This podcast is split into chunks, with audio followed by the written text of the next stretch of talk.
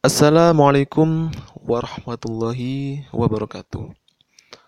Allahumma sholli ala nuril anwar wasiril asrar wa tiryakil aghyar miftahil babil yasar sayyidina Muhammadil Mukhtar adada ni'amillahi wa ifdolih. Alhamdulillah pada kesempatan kali ini saya masih diberikan kesempatan oleh Allah Subhanahu wa taala untuk menyampaikan beberapa kalam hikmah berkaitan dengan mata pelajaran Al-Quran Hadis kelas 11 ya, kelas 11 ini. Yang sebelumnya telah dijelaskan oleh Pak Nurali ya dari bab 1 surat Al-Mu'minun sampai hadis tentang penciptaan manusia. Selanjutnya untuk pembelajaran mata pelajaran Quran Hadis ini dipersiapkan alat tulisnya. Jadi terkait materi-materi nanti yang disampaikan teman-teman Mandua Kabupaten Malang ini eh, diusahakan untuk mencatat hal-hal yang penting terkait dengan materi sehingga tidak terlewat. Tentunya tidak terlewat di sini, tidak terlewat eh, mengenai pemahaman pastinya pemahaman tentang pembahasan bab yang kita bahas selanjutnya ini. Kemudian selanjutnya kita akan membahas terkait hadis tentang hak Allah kepada hambanya. Di sini ada hadis ya dari Imam Bukhari dan Muslim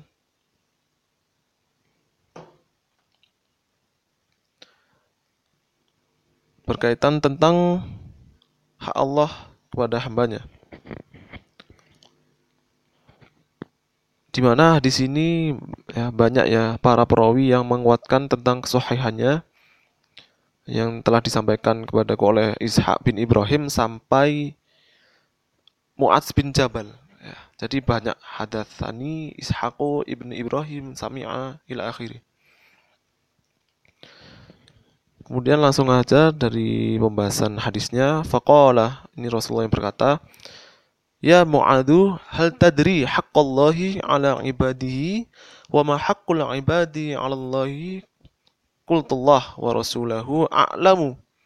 Qala fa inna haqqallahi 'alal 'ibadi ay ya'buduhu wa la yusyriku bihi syai'an wa haqqul 'ibadi 'ala Allahi alla yu'adziba man la yusyriku bihi syai'an faqultu ya Rasulullah afala abashiru bihin nas?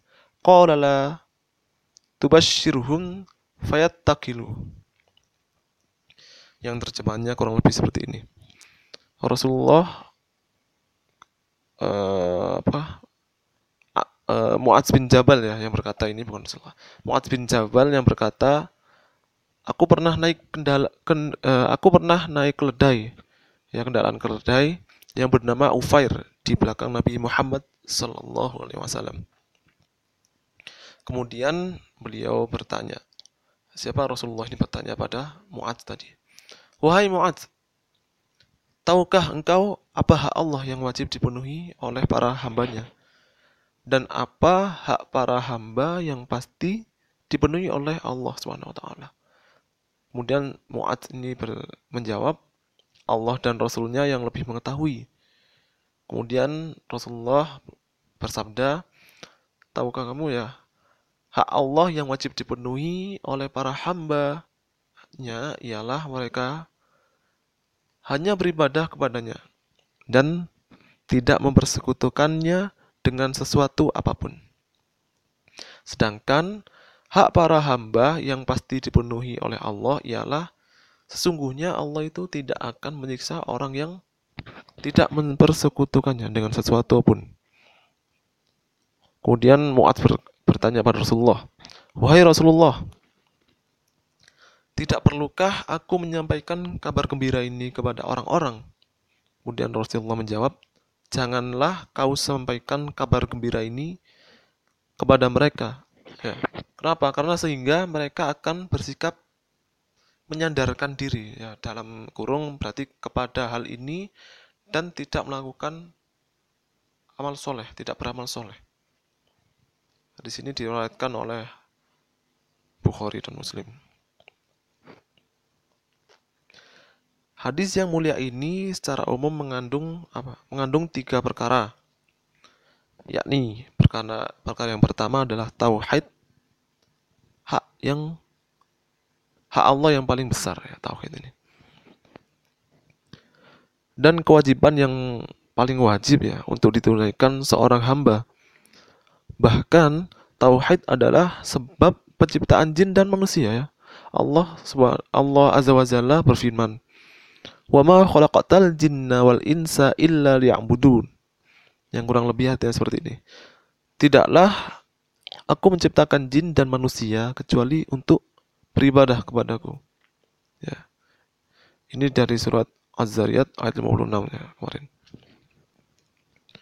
Kemudian makna liya'buduni ya dalam kurung untuk beribadah kepadaku dalam ayat ini dalam ayat ini adalah Yawah yuwahiduni ya yuwahiduni mentauhidkanku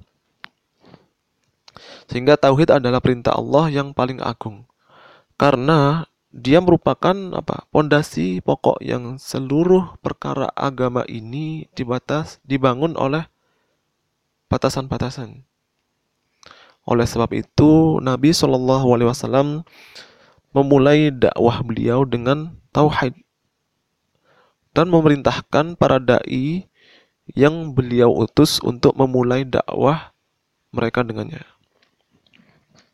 Cukuplah sebagai bukti bagi kita ya akan terkait masalah ini adalah Allah Ta'ala menjadikan dakwah tauhid sebagai apa? Sebagai dakwah pertama dan utama pastinya untuk seluruh para rasul tidak terkecuali Nabi kita Muhammad Sallallahu Alaihi Wasallam. Kemudian uh, makna yang kedua kan tadi ada tiga ya. Perkara kedua dari hadis ini ya ini larangan untuk berbuat syirik. Setelah Rasulullah Shallallahu Alaihi Wasallam menyebutkan tentang masalah tauhid, beliau kemudian menyebutkan apa yang menjadi lawan darinya, yakni kesyirikan. Karena pengetahuan akan sesuatu tidak akan sempurna sampai mengetahui sesuatu yang menjadi apa? Menjadi lawannya. Sebagaimana seseorang bisa menikmati rasa manis dengan sempurna setelah dia merasakan pahitnya ya, pahitnya rasa pahit itu maka kesyirikan adalah lawan tauhid yang paling besar. Ya, jadi tidak akan bertemu keduanya dalam diri seorang hamba, melainkan salah satu pas, salah satunya pasti hilang. Baik hilang sebagiannya atau keseluruhannya. Perlu diperhatikan ya, kesyirikan ini adalah dosa yang paling besar karena pelanggarannya terhadap hak Allah. Ini hubungannya dengan hak Allah pelanggarannya. Kesyirikan adalah apa? Semacam kezaliman yang paling besar karena mempersembahkan uh, bentuk ibadah kepada yang tidak berhak mendapatkannya. Kesyirikan adalah sumber segala macam kesesatan dan merupakan jalan pintas tercepat menuju neraka pastinya ini.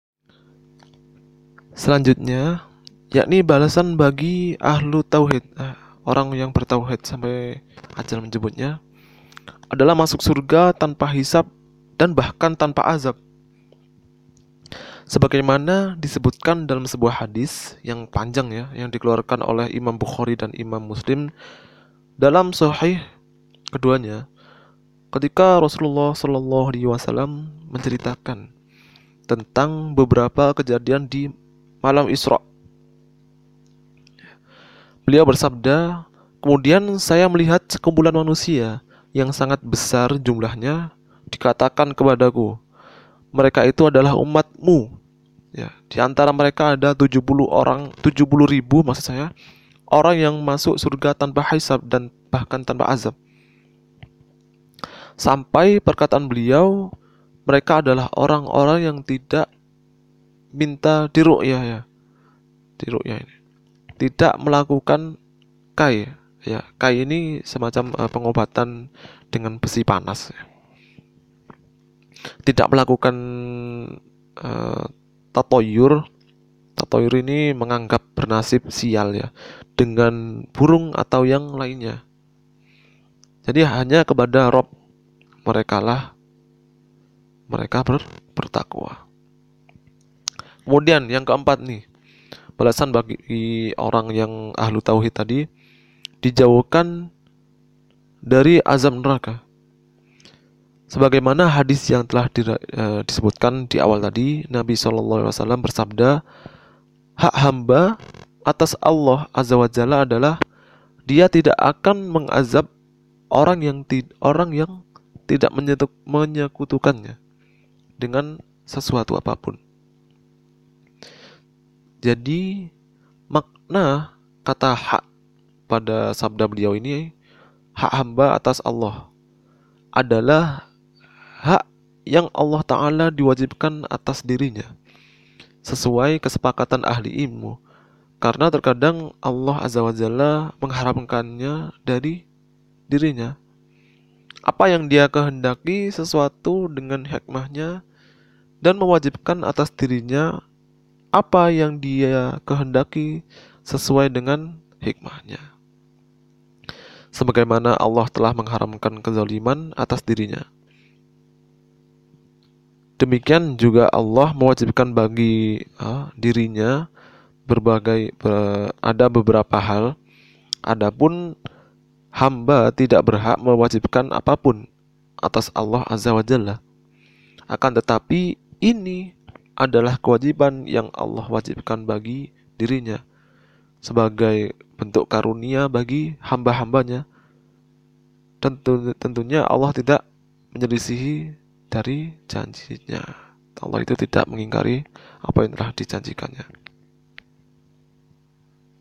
Ya. Demikian dah pembahasan singkat ya, terkait tentang masalah yang merupakan hak Allah Azza wa Jalla yang paling besar atas hamba-hambanya dan merupakan masalah yang sangat penting yang pembahasannya begitu luasnya ya. Sangat luas pembahasannya, pembahasannya tentang hak Allah kepada hambanya ini. Apa yang kami sampaikan di sini ya terutama saya lah, saya pribadi hanya merupakan gambaran umum saja ya, tidak menyeluruh.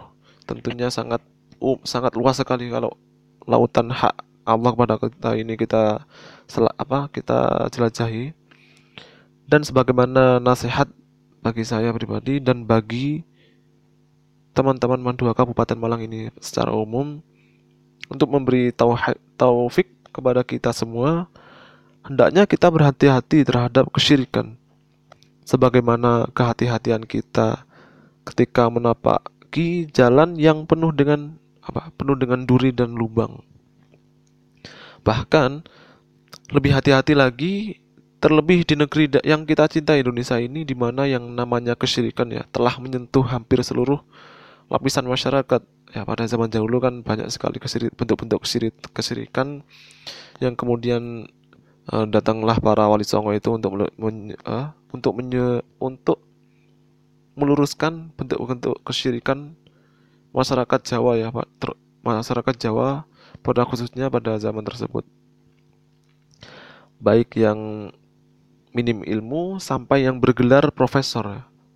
Jadi menyeluruh lapisan-lapisannya ini dari orang-orang pinggiran sampai kalangan elit bahkan tidak aman dari yang namanya bentuk-bentuk kesyirikan maka satu-satunya solusi untuk terbebas dari masalah kesyirikan ini adalah dengan menuntut ilmu ya, terutama ilmu agama ini. Bahkan mempelajari tentang tauhid adalah fardu ain. Fardu ain ini wajib bagi seluruh kaum muslimin. Siapa pun dia dan apa pun profesinya wajib ya, wajib mempelajari masalah tauhid ini serta mengamalkannya dalam kehidupan.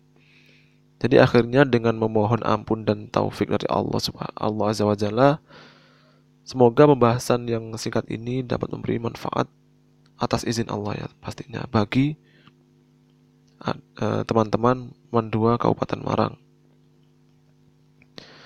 Saya mengingatkan kembali ya buat teman-teman uh, Mandua Kabupaten Malang ini uh, terkait ketika pembelajaran daring ya pastinya ketika di rumah tetap dijaga adabnya ketika belajar.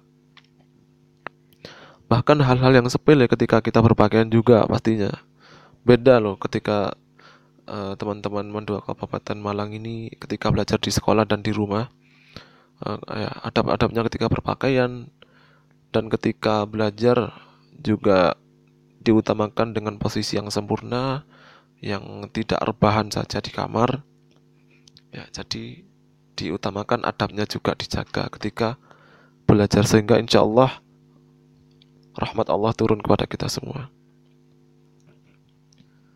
Wallahu a'lam bishawab. Kurang lebihnya saya mohon maaf. Wallahu muwaffiq ila Assalamualaikum warahmatullahi wabarakatuh.